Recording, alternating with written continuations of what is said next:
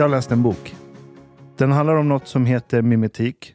Så du kan redan gissa vad det kommer leda till. Eh, människors förmåga att härma varandra. Och vilken central roll det har i hur våra samhällen ser ut, hur människor mår, hur vi beter oss och så vidare. och så vidare. Eh, skriven av en fransman, Jean-Michel Ougourlian heter han. Och han fortsätter vidare på en annan fransmans spår som heter René Girard. Som egentligen grundade konceptet mimetik för att försöka förstå samhället. Hur människors härmning leder till massa olika saker. Människors välmående, hur samhällen utformas, vilka konflikter som uppstår och så vidare. Och då jag har ju pratat väldigt mycket om höger och vänster hjärnhalva. Att vänster hjärnhalva, om man grovt förenklar det, sysslar mer med rationella processer, linjära processer, modeller, förklaringar, beståndsdelar. Det som vi i väst idag kallar för intellekt egentligen och förnuft. Det tenderar att vara processer som vänster hjärnhalva är väldigt duktig på. Och sen igen grovt förenklat, höger hjärnhalva mer ägnad åt emotionella processer. Simultanprocesser, att du kan ta in en helhet av en situation och du ser de här, eller ser gör du inte, men du kan plocka upp subtila ansiktsuttryck och kroppsspråk och sociala funktioner och många aspekter av kreativitet och så vidare. Höger hjärnhalva. Som i väst idag kanske förknippas mer med flum. Flum och trams och så vidare. Yay. Det är yay. Det är yay. Förmodligen extra mycket för oss och många andra i och med att vi har sån brist på det i vårt moderna, vetenskapliga, så kallade förnuftiga samhälle. Men såklart, båda hjärnhalvorna måste vara med och samspela för att du ska vara funktionell. Oavsett om du ska hålla på med emotioner eller konst eller förnuft eller vad det är. Men det är när ena hjärnhalvan trycks tillbaka av miljö, kultur och så vidare. Det är då det kan bli lite knasigt. Och Vi har pratat om de här två hjärnhalvorna väldigt mycket. Vi återkommer till dem hela tiden när vi snackar om allt möjligt. Men den här boken har introducerat en plot twist. Ooh. Så istället för att se hjärnan som två halvor och bara dela in dem i två halvor. Ja, den här halvan håller på med det, den här halvan håller på med det. Om vi ser det som tre delar, istället för två delar, så ser vi det som tre delar. Så slipper vi prata om halvor.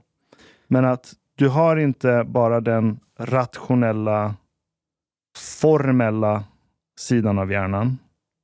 Och du har inte bara den emotionella, holistiska, så flummiga delen av hjärnan. Det finns en tredje. Får jag säga någonting? Ska jag vänta? Shoot. Det här med att dela upp hjärnan i två halvor. Mm. Låter ju som någonting som vänster hjärnhalva gör. Ja, det är så. Det är ett västerländskt och eh, modernt koncept som låter väldigt left brain. Ja, och det är därför jag ville poängtera att båda hjärnhalvorna är extremt viktiga för Mm. att du ska förstå din omgivning, kunna navigera dig i den. Mm. Det, det är när du trycker tillbaka ena på Exakt. bekostnad av den andra Exakt. som det kan bli lite för skevt.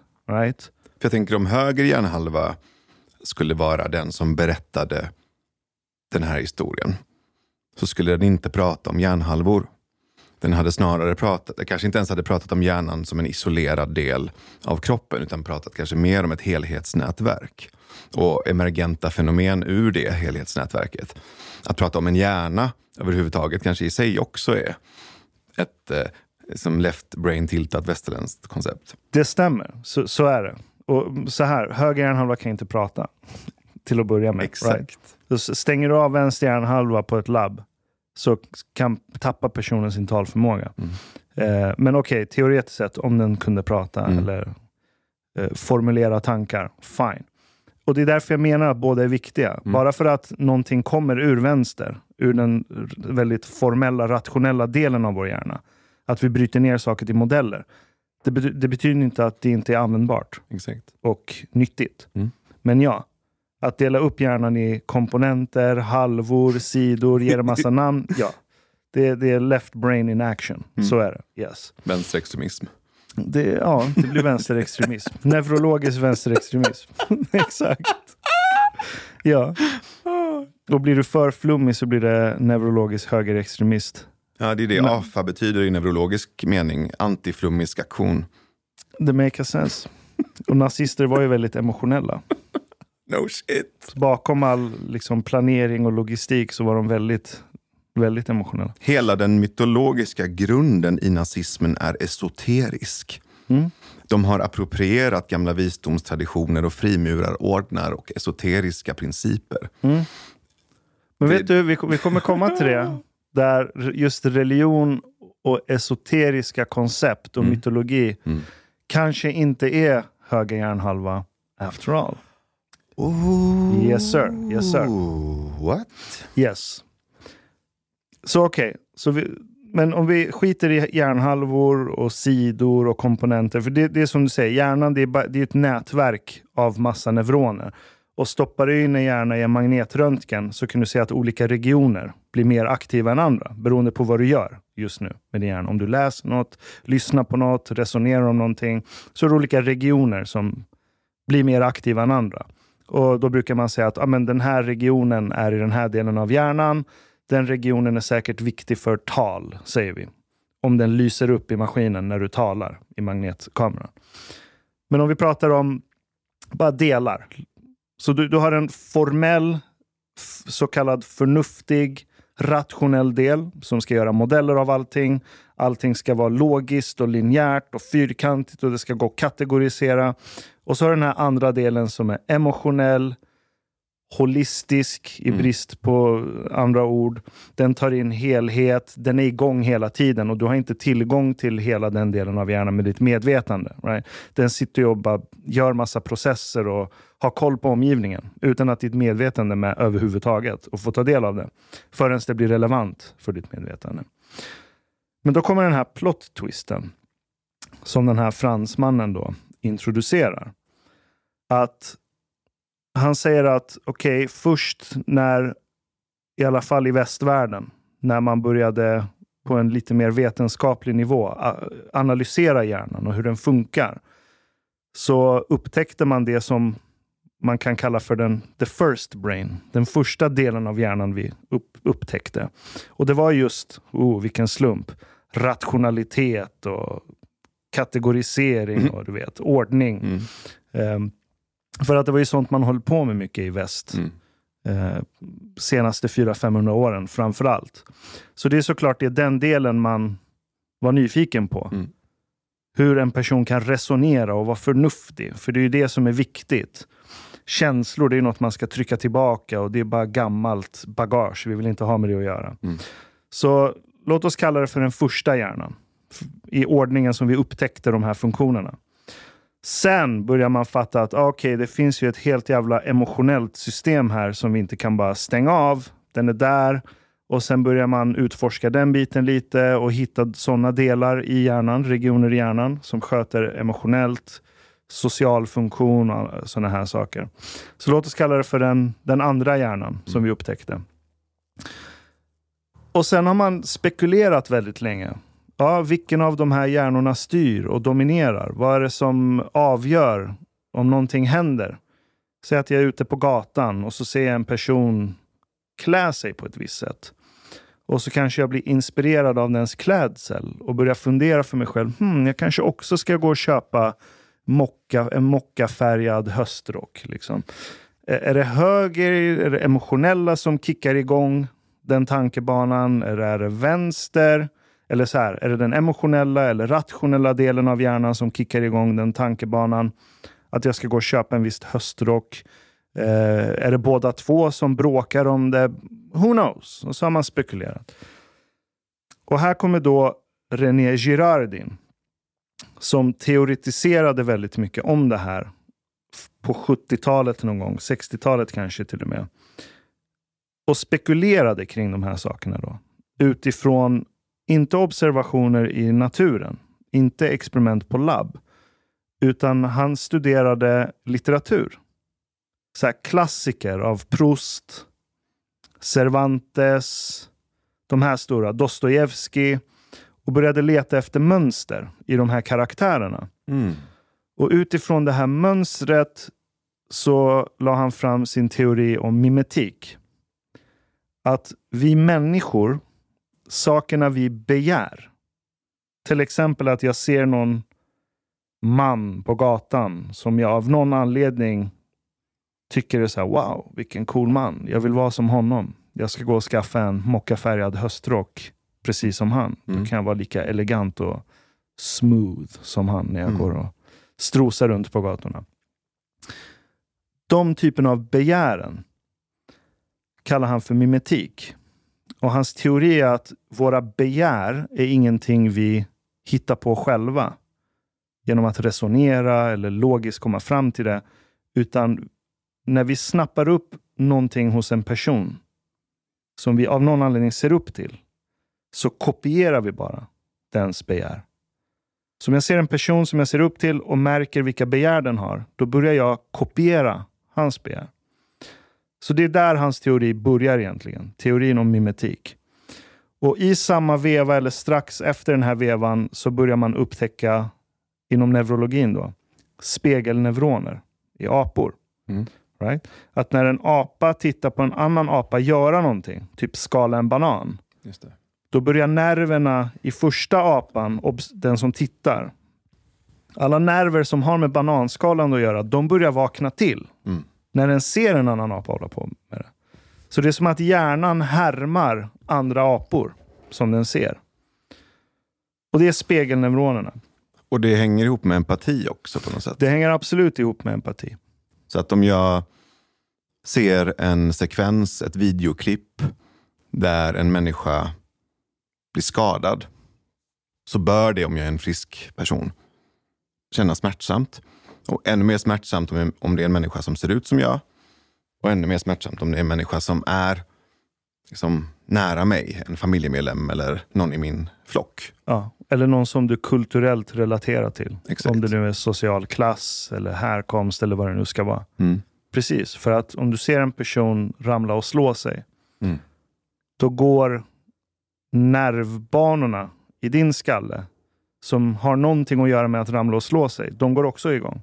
Så det är lite som att din hjärna spelar upp sekvensen av att du också ramlar och slår dig. Right? Och då framkallas de här känslorna och utåt sett så kallar vi det för empati. Mm. Kommer du ihåg under eh, flyktingvågen 2015? Så först så var det ju bara liksom, stora liksom, massor av människor. Alltså det var ganska abstrakt, lite som en svärm, du vet. Eh, som rörde sig och flydde och var på väg till Sverige.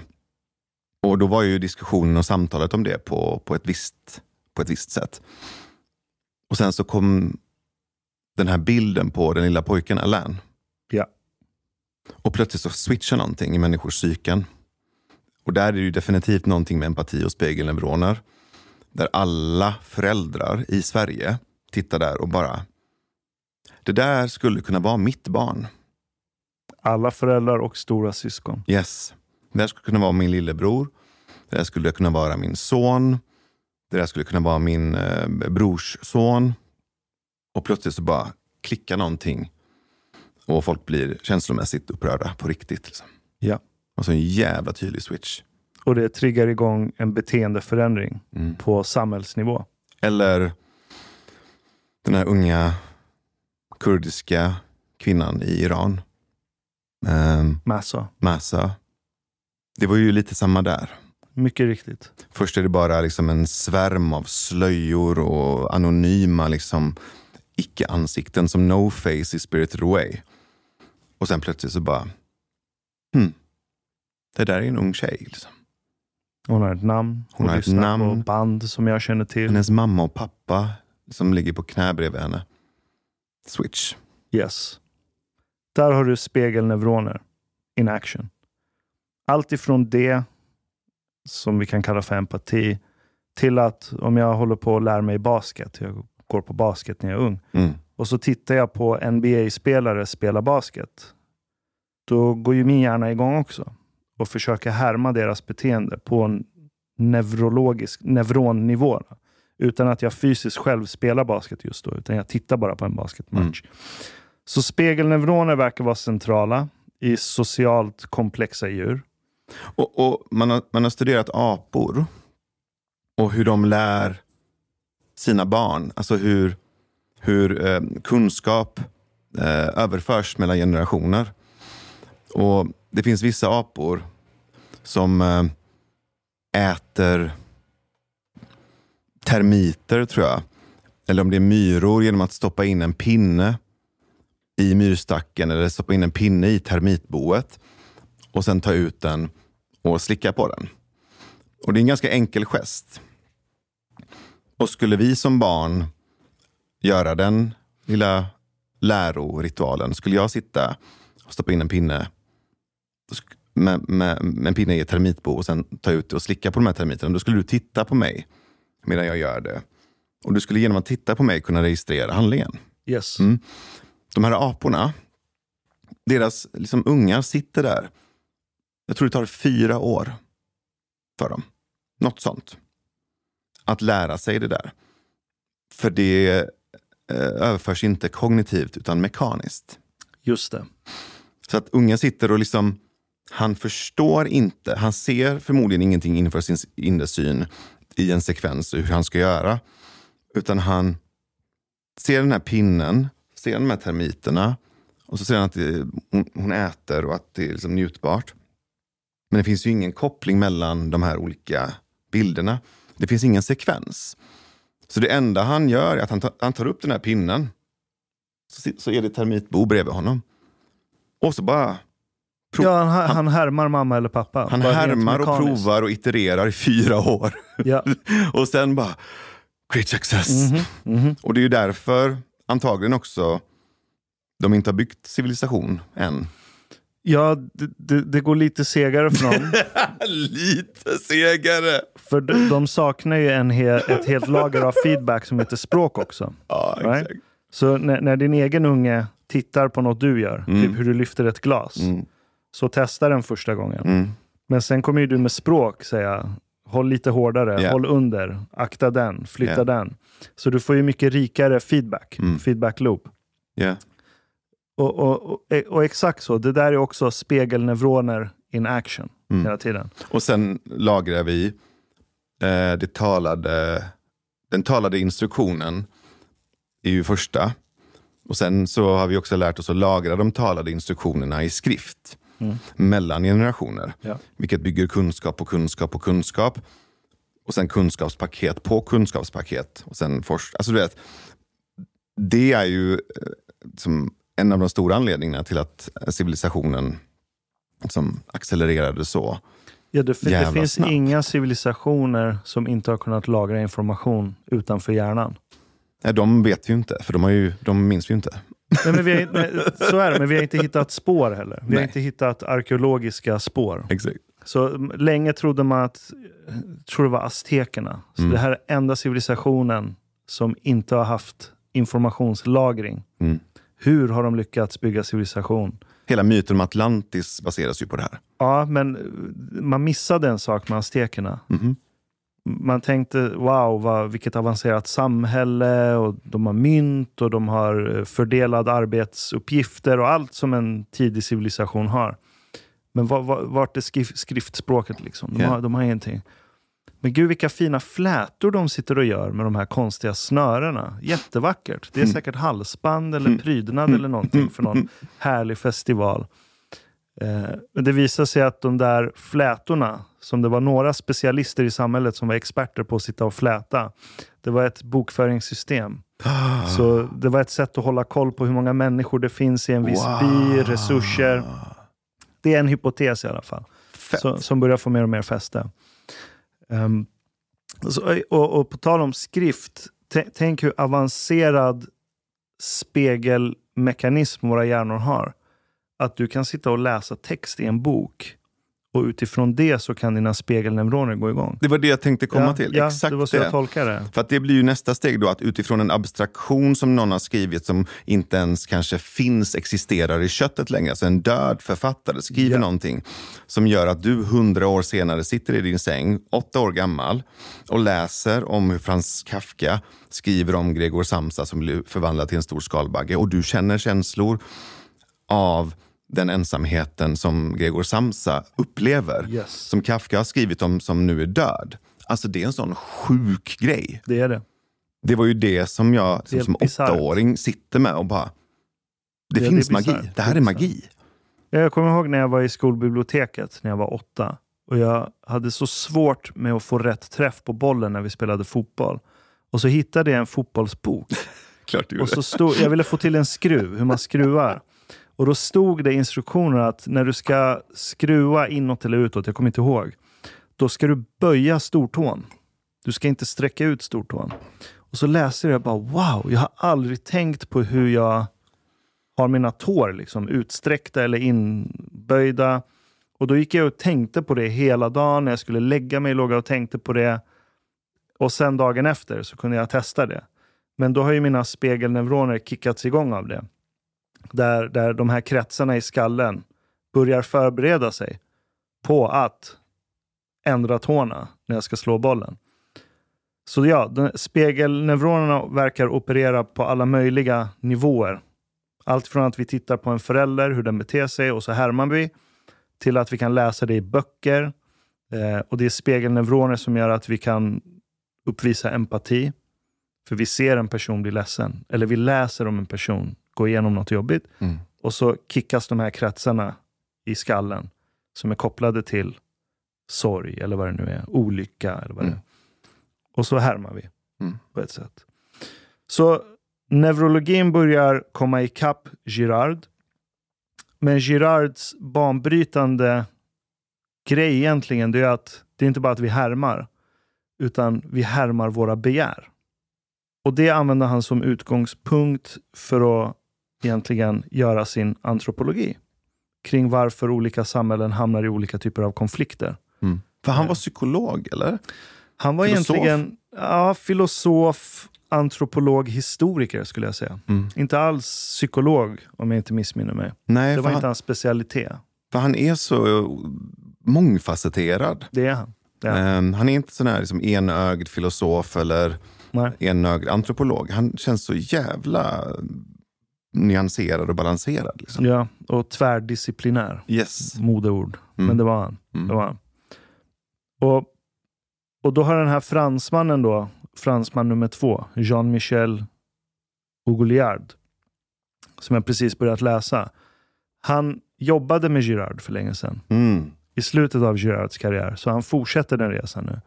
Så boken är egentligen, han tar all ny neurologisk forskning som finns och kopplar ihop det med Girards teori Oh, wow. och bygger vidare på den. Så då introducerar han den tredje hjärnan. Han kallar det för den tredje hjärnan, för det är den senaste delen av hjärnan vi har börjat förstå att den här finns också. Mm. Och igen, då pratar jag inte om en fysisk portion eller tårtbit av hjärnan, utan en sorts funktion. Dimension, funktion. Dimension, funktion, exakt. För man säger väl hemisfär, va? Ja, det är om du pratar om hjärnhalvorna. Ja, men precis. Eh, Mm. Och, och, och rent neurologiskt så kan du prata om två hjärnhalvor. För Mm. att du har bokstavligen två hjärnhalvor Mm. som är delade av en tjock kabel, Ja. corpus callosum, som funkar som en sorts dörrvakt. På vilka signaler den ska skicka mellan de här hjärnhalvorna. Då. Ja, men det är han surgubben på Berghain. Vad sa du? Det är han surgubben på Berghain. Exakt, surgubben på Berghain. Dörrvakten, Dörrvakten. mellan hjärnhalvorna. Mm. Mm. Men, men om vi pratar om delar eller dimensioner istället, så har vi Mm. alltså den första dimensionen som vi började kartlägga, Mm. vår rationella förmåga. Mm. Och sen kom det emotionella, som Mm. man har sett som ett problem egentligen. Mm. Och sen kommer nu den tredje aspekten av hjärnan, som är den mimetiska hjärnan. Och vad han framlägger då i den här boken, det är att den, och då använder han färsk neurologisk forskning för att styrka det, att det verkar som att det är den mimetiska delen av hjärnan som får access, tillgång till intryck från omgivningen först. Sen langas det vidare till ja, men, rationella system, emotionella system, pang, pang, pang, pang, pang. Så innan vi ens har hunnit med medvetandet fundera och analysera och tänka på en tanke, så har den fått köras igenom den mimetiska kretsen i hjärnan. Så den är för rationell och för emotionell. Den sker före. Nu är, jag, nu är inte hjärnan sekventiell, där allting sker på ett rullband. Men det måste ju börja åt något håll. Sen studsar den ju fram och tillbaka mellan de här delarna, beroende på hur, du är, hur din hjärna har formats av din kultur och miljö och gener och allt sånt. Men, att, men poängen är att den mimetiska delen av hjärnan verkar ha extremt mycket att säga till om. Och den verkar diktera väldigt mycket. Så där någonstans i boken är jag nu. Där det har varit riktig mindfuck. Att svart på vitt, jag har inte accepterat allt helt, för jag är inte klar med boken, men jag har i alla fall börjat tänka som om det där var sant. Och se vad som händer när man analyserar olika skeenden. Och Det som är spännande med just Girard och, och Goliard då, och mimetik, det är att mimetik tenderar att vara triangulärt. Jag ska berätta vad, vad, vad de menar med det. Att jag ser en person som jag på något sätt anser att han är någonting som jag vill vara. Han eller hon är någonting som jag vill vara. Till exempel, jag växer upp här i väst. Jag är på någon konferens, säger vi. Och så ser vi att jag jobbar i någon techbransch där det är väldigt hippt att vara entreprenör. Du vet den här unga entreprenören som har en killer-idé, som har rest massa investerarpengar och nu har den ett litet startup med ett coolt kontor någonstans. Och jag säger det för att jag, själv, jag var i den världen för länge sedan. Och så träffar jag någon cool entreprenör på någon konferens och så börjar jag se upp till den här personen. Bara, wow! Gary V. Ja, som Gary V. Gary V eller Steve Jobs verkar vara en mm. role, eh, förebild för väldigt många. Richard Branson. Eh, Elon Musk. Och det blir ännu mer påtagligt när det är en person man träffar. Mm. Och så av någon anledning så är den här personen någonting som jag vill vara. Där börjar det här mimetiska. Att jag börjar kopiera vad den här personen vill ha för att jag börjar nu leva under illusionen att om jag skaffar mig det den här personen har, då kan jag också vara som han. Eller nästan egentligen vara han, mm. bli han. Mm.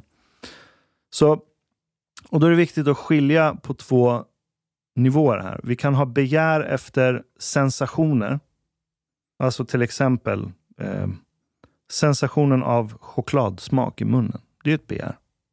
Jag begär choklad just nu. Ett starkt begär för choklad. Okay? Så det är en sensation jag är ute efter. Right? Jag, jag, har ett starkt begär för sex just nu. Okay? Det är fortfarande en sensation. Eller att jag har ett starkt begär av att känna spänning. Ja, då går jag och ser en film, en thriller. Så du har sensationerna. Det har vi gemensamt med djuren. De har hela tiden begär efter sensationer. Och Det är de här begären som driver djuret till att ta en handling, göra en faktisk handling. Men vad vi människor också har, det är inte bara begär efter sensationer, det är ett begär efter varande. Vi begär att vara någonting som vi inte är just nu.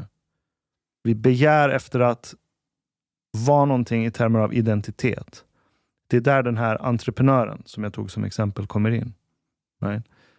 Eller att jag ser George Clooney bära en Rolex-klocka. Och av någon anledning vill jag vara lite som George Clooney. För att George Clooney får vackra damers uppmärksamhet. Han verkar vara lycklig. Han har åldrats väldigt väl. Han har status. Folk ser upp till honom. Jag vill vara lite George Clooney. Right? Då, då, då går jag och härmar genom att skaffa mig sakerna som han har. Så det är en illusion. Mm. Att om jag har det Clooney har, då kan jag vara George Clooney. Mm. Och det är på det här varande nivån som studien om begär och att vi kopierar och härmar våra begär plötsligt blir ett sociologiskt verktyg. Ett antropologiskt verktyg. Jag hoppas inga reklamare och marknadsförare lyssnar på det här. För att Gud förbjude att de skulle använda begär som psykologisk fälla i eh, reklam. Det är det också som är fascinerande. Det är det de har gjort Ja, men, i årtionden. Hundra procent. Ja, för att det funkar. Innan Ja. man ens kartlade det här eller hade en teori om det så att man kunde prata om det med rätt termer. Ja. Det är det de har gjort. Bevisligen så funkar det. Och det funkar fortfarande. Inte lika bra som förut, men det funkar. Mm. Att du visar en person som många ser upp till och så visar du vad den har. Alltså den banalaste formen är ju en sportbil och en naken brud. Yes, Det är så Exakt. banalt och cyniskt så det är, där tar det stopp. Liksom. exakt. Men det funkar. Det funkar. Det gör det. Det gör det. Och det intressanta, och det här kommer jag säga många gånger, men det är att så du, du har dig själv då. Du är en människa och du härmar andra människor.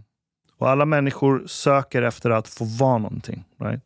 Det, det är det som driver oss flesta. Man, man vill ha en karriär, man vill ha pengar, man vill ha någon sorts status, man vill ha ett kontaktnät, man vill ha ett socialt nät.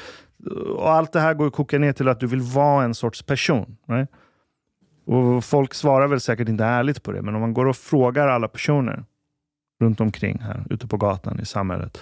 Vem vill du vara? De flesta skulle säkert säga, äh, jag är jättenöjd med precis den jag är just nu. Men förmodligen är inte det sanningen.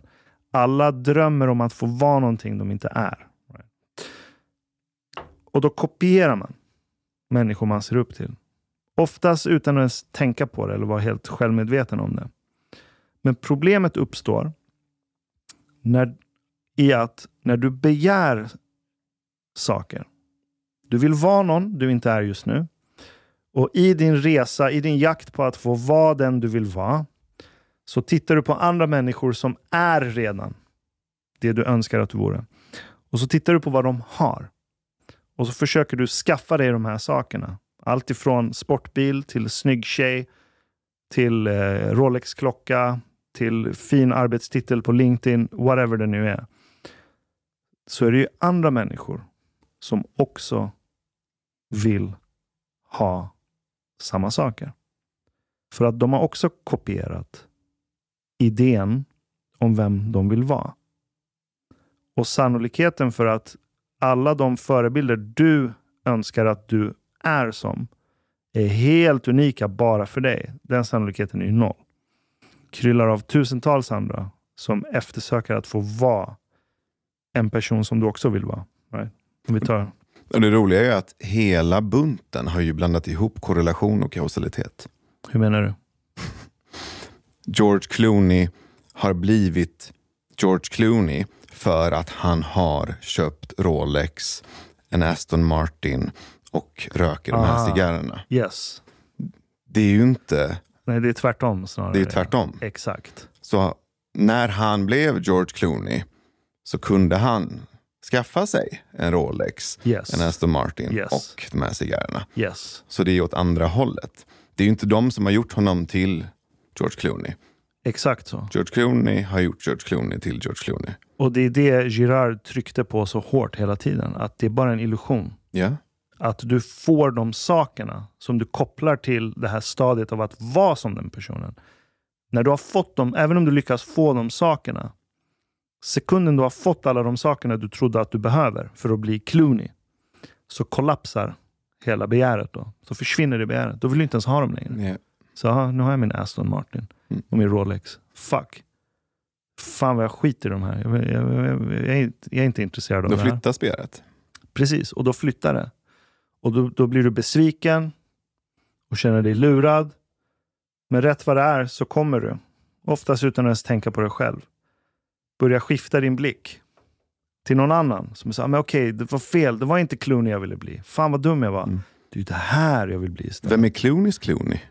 Ja, exakt. Och då hamnar du där. Mm. Och så börjar samma loop om och om igen. Och i och med att du konkurrerar med andra Mm. som vill åt samma stadie av varande, som därmed också söker efter samma saker, så kommer det skapas rivalitet. Och det är den här rivaliteten som ligger till grund för det mesta som vi kallar för misär i samhället egentligen. Det är utgångspunkten för Girards sociologi och antropologi. Och jag tror att det har aldrig varit så aktuellt som det är nu att förstå sig på de här mekanismerna. Och jag tror att vi kommer komma fram till varför så småningom. Men, men, men make it sense än så länge. Att, Den här, det är, den här linjen, den här ingången. att det är ett illusoriskt existentiellt proxykrig. Ja, det är ett existentiellt sökande. Men det du söker, det du väljer att söka efter är de fysiska, inte kanske bara fysiska, men det är ytliga attribut. Mm.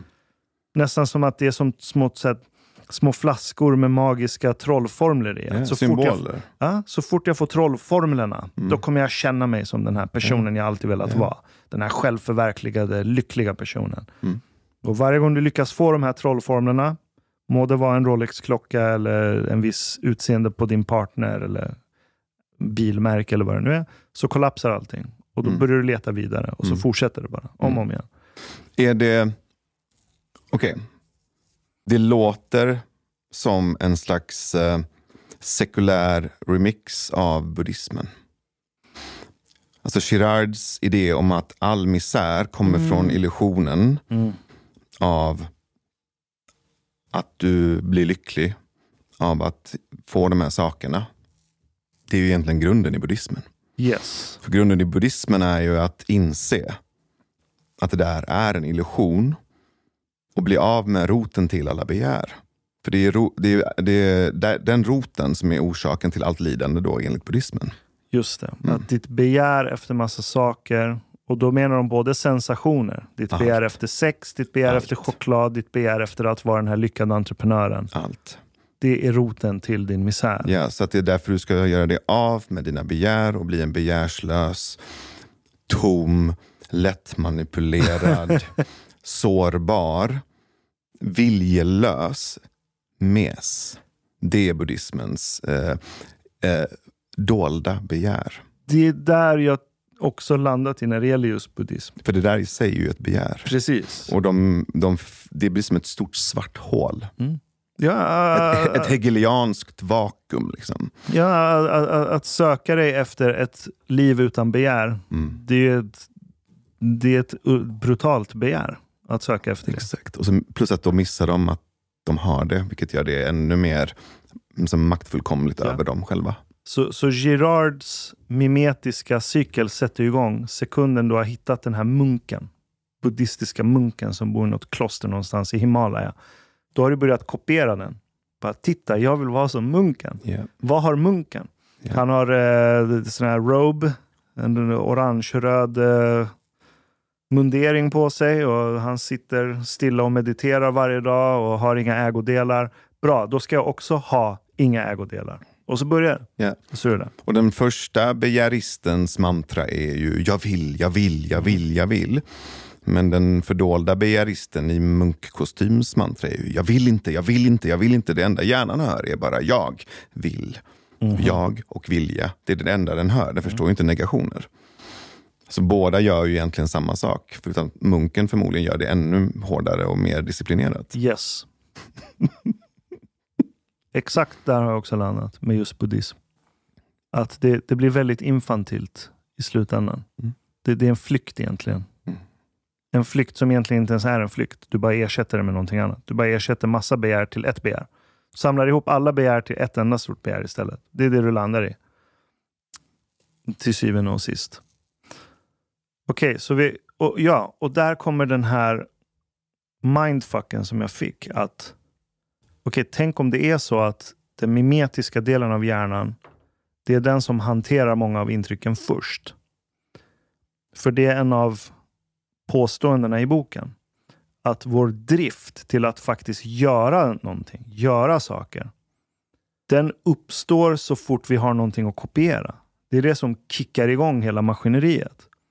Right? För om, om jag inte har någon drift och är bara deprimerad och ligger i sängen och inte gör någonting, då spelar det ingen roll vad jag har för idéer i skallen. Jag gör ändå ingenting. Right? Så, så den här inspiration ska jag inte säga, men energin till att faktiskt ta tag i någonting. faktiskt gå och skaffa ett extrajobb så jag har råd med Rolex-klockan. Eller faktiskt köpa en biljett till Himalaya och gå och träffa den här munken. Driften, energin som sätter oss i rörelse, den, allt det kickas igång i det mimetiska lagret. Så det är det som katalyserar all mänsklig handling. Och det blir ju jävligt komplext väldigt fort. För att, ja men, säg att du levde på landsbygden för 500 år sedan. Och så har du din laggård med lite kossor och höns. Och så är det granngårdarna som du har kontakt med. Det är ditt sociala nät. Den du kommer gifta dig med i framtiden, det är någon av eh, sönerna eller döttrarna i granngårdarna. Och så kommer liksom gårdens överhuvuden ha konversationer med varandra och bestämma vem som ska gifta sig med vem och så vidare. Det är den världen du är i. Och du har inte så många att kopiera ifrån. Mm. Right? Du, du, du, du, har inte så mycket intryck från resten av världen. Så det finns inte många personer du kan kopiera. Eh, eh, föds du som kille så kommer du förmodligen försöka imitera din far. Right? Yeah. För att det, det, är egentligen din enda säkerhet till att ha något leverne och mm. inte svälta ihjäl. Och om din far var en bonde så kommer du imitera din far. Och Det blir inte så mycket rivalitet där. Rivaliteten kan uppstå om två personer, två av männen säger vi, är attraherade av samma kvinna. Right? Där kan uppstå rivalitet. Finns det en och annan eh, berättelse, filmbok, låt om det? Precis. Mm. Och det är därför, tror jag, Girard började i litteraturen. Det. Eller det är en anledning till det i alla fall. För att i alla de här berättelserna så har du alltid rivalitet. Och Det var det som fick honom att inse att okay, men det här är en universal egenskap hos människor. Det spelar ingen roll vilken kultur, vart du kommer ifrån, vilken tidsera. Rivalitet finns alltid bland människor. Okej, okay, varför finns det rivalitet? Och så börjar han titta i mönstret bakom rivalitet. Aha, vi härmar varandra. För om vi inte hade härmat varandra, då hade inte rivaliteten uppstått. Då hade inte vi velat ha samma saker. Det låter banalt nu i efterhand, men det var revolutionerande att han kunde lägga fram det. Så okej, okay, vi kopierar och många vill ha samma sak och då uppstår det rivalitet. Och det är där alla begrepp som vi har för misär kommer ifrån. Till exempel att en människa kan känna resentiment. Att man plötsligt tappar tilltron till samhället och kulturen och börjar hata och börjar söka på Andrew Tate och bli en eh, dark enlightenment-följare och vill riva ner samhället och gå tillbaks till romerska tiden där män var män och kvinnor var kvinnor och det här är vad man skulle göra. Och det är ett resentiment mot samhället. Och då skulle Girard säga att människor som känner så och hatar sin samtid och sitt samhälle och vill gå till något annat och vill riva ner saker. Det är för att det är någonting de önskar att de var. Men de har inte lyckats erövra sakerna som de tror att de vill ha för att kunna vara den de vill vara. Och då har de identifierat vilka människor som står i vägen för dem. Det blir ju deras rivaler. Och resentimentet är ju riktat mot dem egentligen. Till exempel att människor idag har ett politikerhat. Det är ett resentiment. Och det är för att du anser att de här personerna står i vägen för dig och den du vill vara. Känner, känner du till David Allen, tror jag han heter? Som har skrivit en bok som heter Tribal Leadership. Nej, jag tror inte det. Nej. De gjorde 25 000 djupintervjuer med anställda på olika företag i USA. Och Sen tittade de på olika mönster i de här svaren och kunde identifiera som fem grupper. Och Jag kommer inte ihåg de exakta procenten, men det var fem grupper. Och varje grupp på något sätt hade ett eh, outtalat budskap som gruppen cirkulerade runt, som en eh, riktning eller värdering som låg bakom sättet de kommunicerade, betedde sig, relaterade till varandra och omvärlden. Säg att första gruppen var typ 30 procent ungefär. Och deras budskap var fuck it. Kanske inte 30 procent, 15 procent. Mm. Mm. Deras budskap var fuck it. Och det visade sig i deras handlingar. De eh, utövade våld och hade inget konsekvenstänk och gjorde sönder saker och människor. Väldigt destruktivt, hög nivå av kriminalitet och våld. Fuck it. Andra gruppen, den är mm, större. Den är runt 30 procent. En ganska vanlig grupp. Som de kallar för eh, nivå två, tror jag. Det budskapet var My life sucks. Så det finns någon annan där borta som har det bättre. Min granne, min chef, eh, min exflickväns nya snubbe. But my life sucks. Och de här människorna var inte fysiskt våldsamma eller kriminella. Men de var bittra, hade mycket resentiment mot samhället och mot eliten.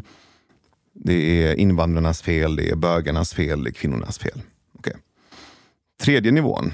Förlåt, första nivån, det skulle jag säga det är gruppen som inte är fylld av resentiment Nej, precis. primärt, utan mm. hat. Exakt. Eller hur? Yes. Så du har hat som en produkt av rivalitet. Yeah.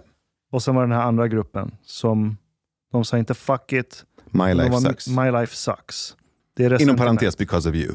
Because of you, exakt. Yes. Resentiment. Ja. Okej, okay. cool. Tredje gruppen, som jag tror var majoriteten av de här som 25 000 tillfrågade. 35 procent kanske. 32, 35. Det, det budskapet som hovrade i mitten av den här svärmen av människor var uh, I'm great. Jag är grym. Jag har fattat det. Jag röstar på rätt parti. Jag tillber rätt gud. Um, jag har gjort rätt livsval. De andra där, där borta, det är lite synd om dem. Jag vet, jag har rätt. Jag har hittat det. Okay? Och sen kommer man in då på fyran och femman, fjärde och femte gruppen som, eh, som Allen menar då på är in the zone of tribal leadership. Och grupp fyra, deras budskap är We are great. Mm -hmm. Människor som är duktiga på att samarbeta, som kan jobba i ett högre syfte, men i det lilla vi, alltså i viet. Alltså duktiga eh, fotbollslag eller eh, starka liksom, grupper eller föreningar. Um, företag som lyckas bygga starka företagskulturer. Eller communities, typ, eh, du vet, olika typer av subgrupper, undergroundkulturer. We're great. Yeah. Men de där borta, på andra sidan floden, de har inte fattat det. Och sen kommer det till femte gruppen då. Som är den totala som polariteten mot första. Som var fuck it? Första Nej, gruppen. förlåt. Första var inte fuck it. Deras inställning var fuck it. Mm. Budskapet var life sucks. Ja, ah, just det. Nej, var inte det andra gruppen? Nej. My life sucks. Aha, okej, okay, okay, nu okay. är jag med. All right. Första var life sucks. Deras attityd blev fuck it. Mm. Hat, våld, kriminalitet.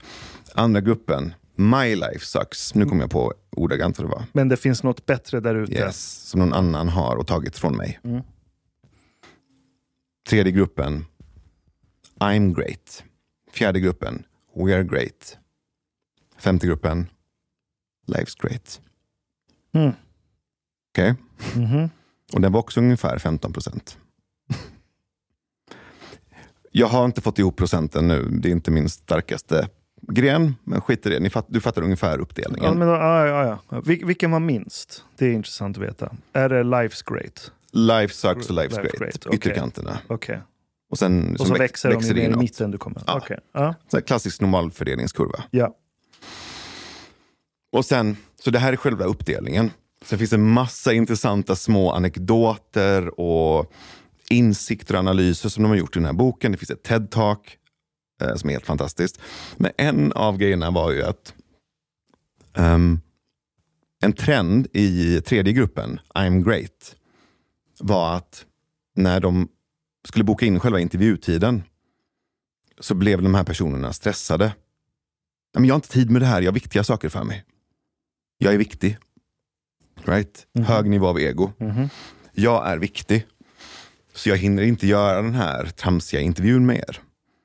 Så de var stressade, svåra att få boka in intervju med och bokade om. Avbokade flera gånger. En trend man såg i den sista gruppen, Life's great. mm, som egentligen är då tribal leaders. Det fanns en trend där de frågade intervjuaren, men varför vill du prata med mig? Jag har inget att komma med. Vill ni prata ledarskap med mig? Jag har inget. Jag vet inte vad det är. Ni kanske ska prata med någon som kan saker eller som vet det istället. Så noll ego. Eller noll, men Kanske vuxet ego eller moget ego, Ja. inte uppblåst. ego under kontroll. Men det här började jag tänka på nu när du började prata som memetik, men i synnerhet då det sentimentet. Yes. Ehm, för det blir ju en, en, ett kollektivt mantra nästan i en viss sfär, dimension i samhället. Och människor som tänker fuck it är ju farliga för samhället. Ja. Och det är där det blir intressant på ett nytt sätt. För att det Girard trycker på hela tiden det är att om du inte är nöjd, om du mår dåligt och speciellt vad han eh, Ogoliard, nu slaktar jag hans namn, uttalet. För, för han är ju kliniker, han är ju psykolog. Han träffar patienter. Och hans lärdom är att när en person kommer in och mår på ett visst sätt för att ja, men den är deprimerad, den, eh, den har konflikter med folk, vad det nu kan vara för problem den kommer och söker psykisk hjälp för. Eh, eller att den är orkelös, viljelös eller vad det nu kan vara. Det är att vi människor tenderar att tro att det är saker som gör att vi inte känner att vi är på rätt plats i livet. Till exempel, ah, jag, jag är så missnöjd med min karriär, jag trivs inte på jobbet. Vi, vi tenderar att referera till saker hela tiden. Medan han säger att fast om du gräver så märker du att det finns ett mimetiskt mönster att hitta hela tiden. Så att du är nöjd med din, missnöjd med ditt jobb, det har inte så mycket att göra med själva jobbet i sig. Eller arbetstiteln i sig. Eller arbetsuppgifterna i sig. Eller att, jag vet, fan vet jag, arbetstiderna är fel. Det behöver inte nödvändigtvis, eller oftast är det inte de sakerna i sig. Utan det är att du har ett mimetiskt begär efter ett stadie av varande. Det är någon du vill vara som du inte tillåts vara just nu. För att det är saker i vägen för dig. Och förmodligen är det någon rivalitet här. Och antingen, och ja, här kommer eh, en ny uppdelning. Personen du ser upp till som du försöker härma. Det kan vara en person som är intern, det vill säga en person som du har tillgång till som en del av din vardag. En kollega, en kompis, familjemedlem, granne och så vidare. Eh, eller så kan det vara en extern förebild som du egentligen inte har någon koppling till. Du har aldrig pratat med den här personen. Då pratar vi George Clooney, Elon Musk, du vet, förebilder på den nivån. Och rivaliteten, det är rivaliteten och det som står i vägen för dig. Att skaffa det du tror att du vill ha. Det är det som ligger till grund för varför du mår som du mår. Så att du inte har en viss position på jobbet, det blir ju bara ett problem om du anser att du egentligen borde ha en annan position. Right? Så jag, jag, jag borde inte vara här, jag ska ju vara group leader, jag ska ju vara gruppledare här. Okej, men varför har du fått för dig att du ska vara en gruppledare? Vem är det du kopierar? Så det begäret efter att vara en gruppledare, det kommer inte från dig. Mm. Du har bara kopierat det från någon annan. Det är ju det här Fight Club handlar om. Är det? Alltså, jag minns inte ordagrant, men det är ju en del av eh, en av många rants som Tyler Durden kör i filmen, boken, berättelsen. Som är ju det här, du köper saker du inte vill ha med pengar du egentligen inte har för att imponera på människor du egentligen inte tycker om. Mhm. Och hela Fight Clubs liksom existentiella grund är ju att ifrågasätta begär och börja egentligen tilta riktningen åt mening istället. Den tar ju ett existentialistiskt Ja, ja Grepp. jag, ser, jag ser det nu. För, för det, och, och- där, då kommer vi tillbaka till det där med att eh, just mytologi och religion också är den rationella dimensionen av hjärnan. För att om vi pratar om mening, vad du anser är meningen med livet, mycket av det kommer ju från kulturen. Till exempel att vi är uppvuxna i Sverige. Här har vi fått berättelsen om att om man utbildar sig och skaffar ett bra jobb, har en bra lön och har ekonomisk trygghet, så kommer man må bra. Mm. Och man har bra arbetstid, bra work-life balance, max åtta timmar om dagen och du vet, ska ha så här många veckors semester får vi i Sverige. Det finns en balans. Då, då mår man bra. Men bevisligen mår ju inte alla bra. Fastän vi har de materiella tryggheter som vi är ute efter. Men, men meningen får du ju från kulturen till stor del. Right? Från den kulturella omgivningen du är i. Och då är frågan, varför mår så himla många människor dåligt idag? När du kan få de flesta saker som man kan tänka sig är rimligt att behöva ha för att må bra. Intressant? Mm. De flesta i Sverige har någonstans att bo. De flesta i Sverige har mat att äta, har tak över huvudet, har kläder på kroppen och har hyfsad okej okay, fysisk hälsa i alla fall. Intressant? Mm. Varför mår folk så dåligt? Då skulle Girard säga att det är för att de upplever en mycket tuff rivalitet. För de eftersträvar att vara någonting de inte är och rivaliteten och sakerna som står i vägen gör att det uppstår antingen resentiment, eller hat, eller avundsjuka eller svartsjuka. Jag tänkte också på det du sa. Eller en kombination av dem. När du pratade om den här eh, byn. Den lilla pojken som växer upp på gården och egentligen följer i sin pappas fotspår. Där det inte fanns så många förebilder som kunde funka som darttavlor för honom att kasta sina begärspilar på. Mm. Det fanns en, det var pappa. Eller någon. Eller kanske farbror eller du vet någon annan i, när de träffades gårdarna emellan och hade någon mm. fest eller högtid. Mm. Det, fanns andra att se upp till än pappa såklart. Absolut. Yes. Men en eller två, alltså det var begräns väldigt, väldigt begränsat, väldigt lokalt. Så om du läser eh, Jonathan Haidts forskning kring hur sociala medier påverkar unga flickor och deras hjärnor så tittar han på några olika saker. Och en av grejerna han menar på är att eh, jag vet inte om han nämner Girard eller just begär på det sättet, men han pekar åt det hållet. Att en av grejerna är att de här tjejerna plötsligt har tusentals konton som de följer med tusentals olika parametrar. Och de slår ihop de här parametrarna och jämför sig själva eller försöker sträva åt någon slags eh, Optimus Prime-mem som består av en massa olika minimem. Och bränner ut sina hjärnor när de är 12. Yes. Och det var exakt det här jag ville komma till och utforska. Att, för nu har jag tagit boken och bara sprungit iväg med den. Okay? Jag har inte ens läst klart. Men om vi säger att Girard har rätt och att Hugo fortsättning på Girards arbete, där han bekräftar den med neurologisk forskning, stämmer.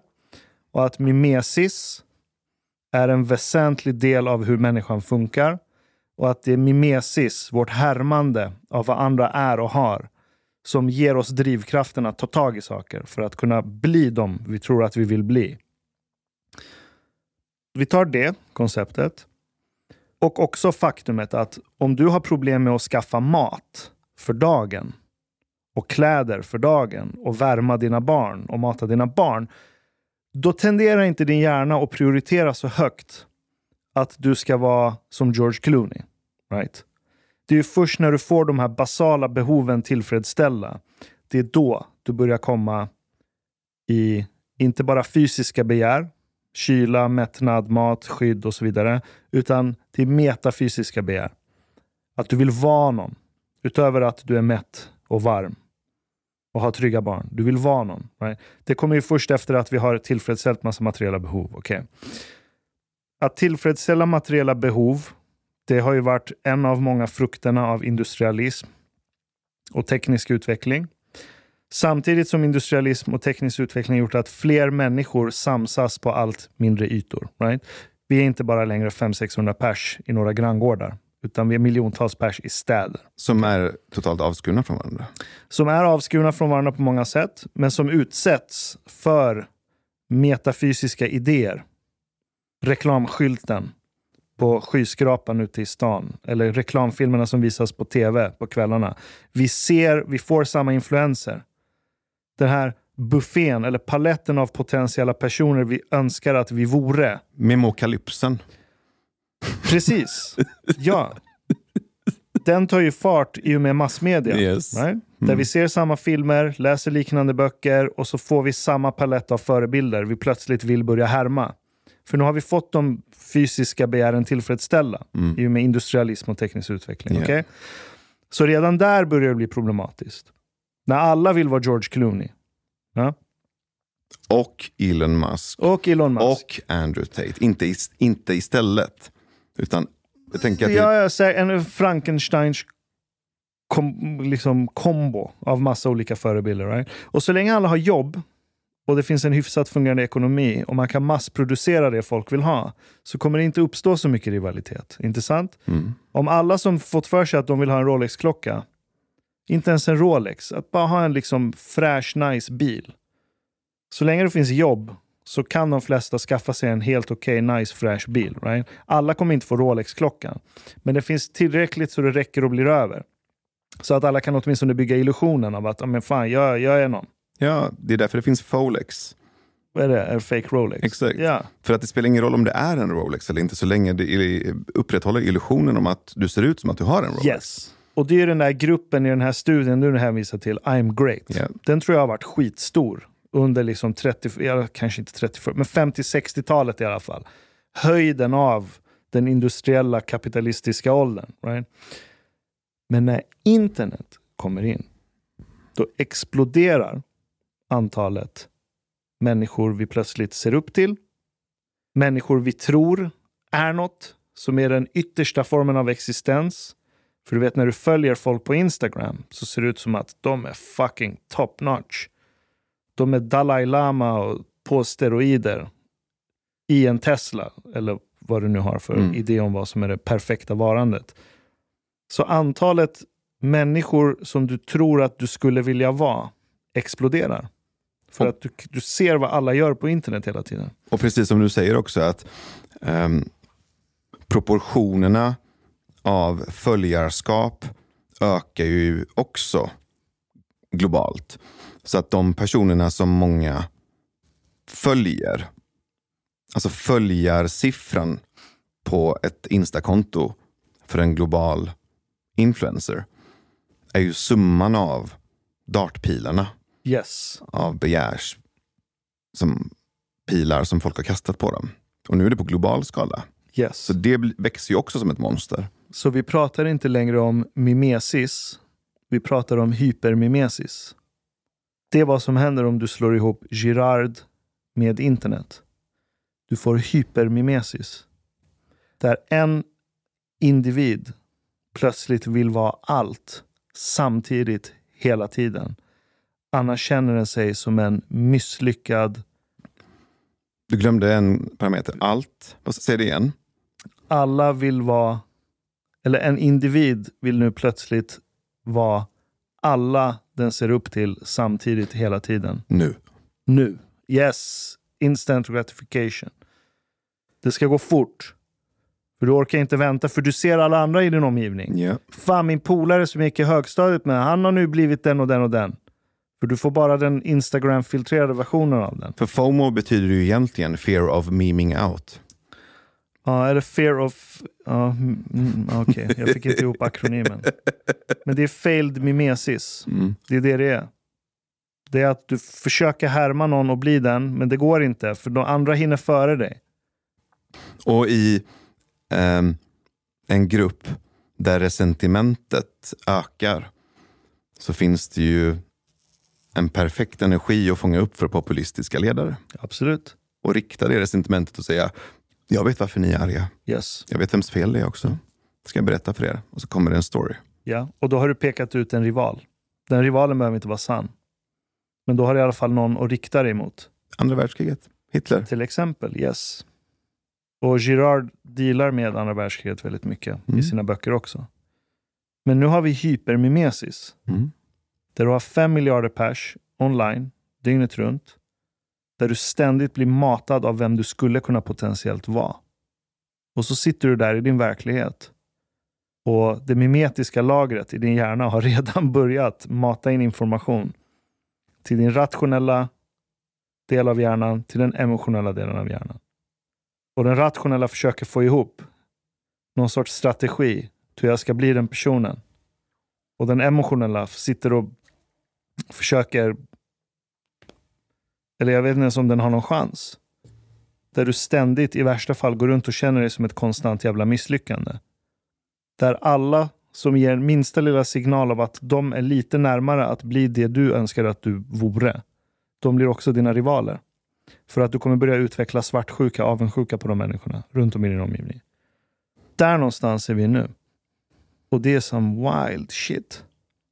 För i verkligheten är det ett jätte jättekomplext och snårigt nätverk av mimetik som varje människa genomgår. Jag har också en idé i mitt huvud såklart, vem jag vill vara. Och jag kopierar säkert lite av jättemånga olika människor. Och så ser jag hur andra människor i min omgivning, som jag har fått för mig, också vill vara den jag vill vara. Right? Och så säger jag att de lyckas lite bättre än mig. Eller de kopierar bättre än mig. Och så börjar det uppstå rivalitet. Och så kontrasterar det mot 500 år sedan. När de flesta människor hade inte ens tid eller prioritet att tänka på den nivån. För du, du hade de basala behoven att se till först. Och var du bompojken, då var att härma din pappa var en säker väg till att åtminstone inte frysa och svälta ihjäl. Så du hade inte så mycket val då. Så det är två saker som samtidigt fidar in i varandra här. Att materiella, den, den materiella sakerna tillfredsställs allt effektivare tack vare teknisk utveckling och överflöd av kläder, skor, mat och allt annat. I alla fall här i väst. Så samtidigt som de materiella behoven tillfredsställs allt mer så ökar behovet av att vill metafysiskt få massa nya begär om vem du ska vara nu också. Den ökar.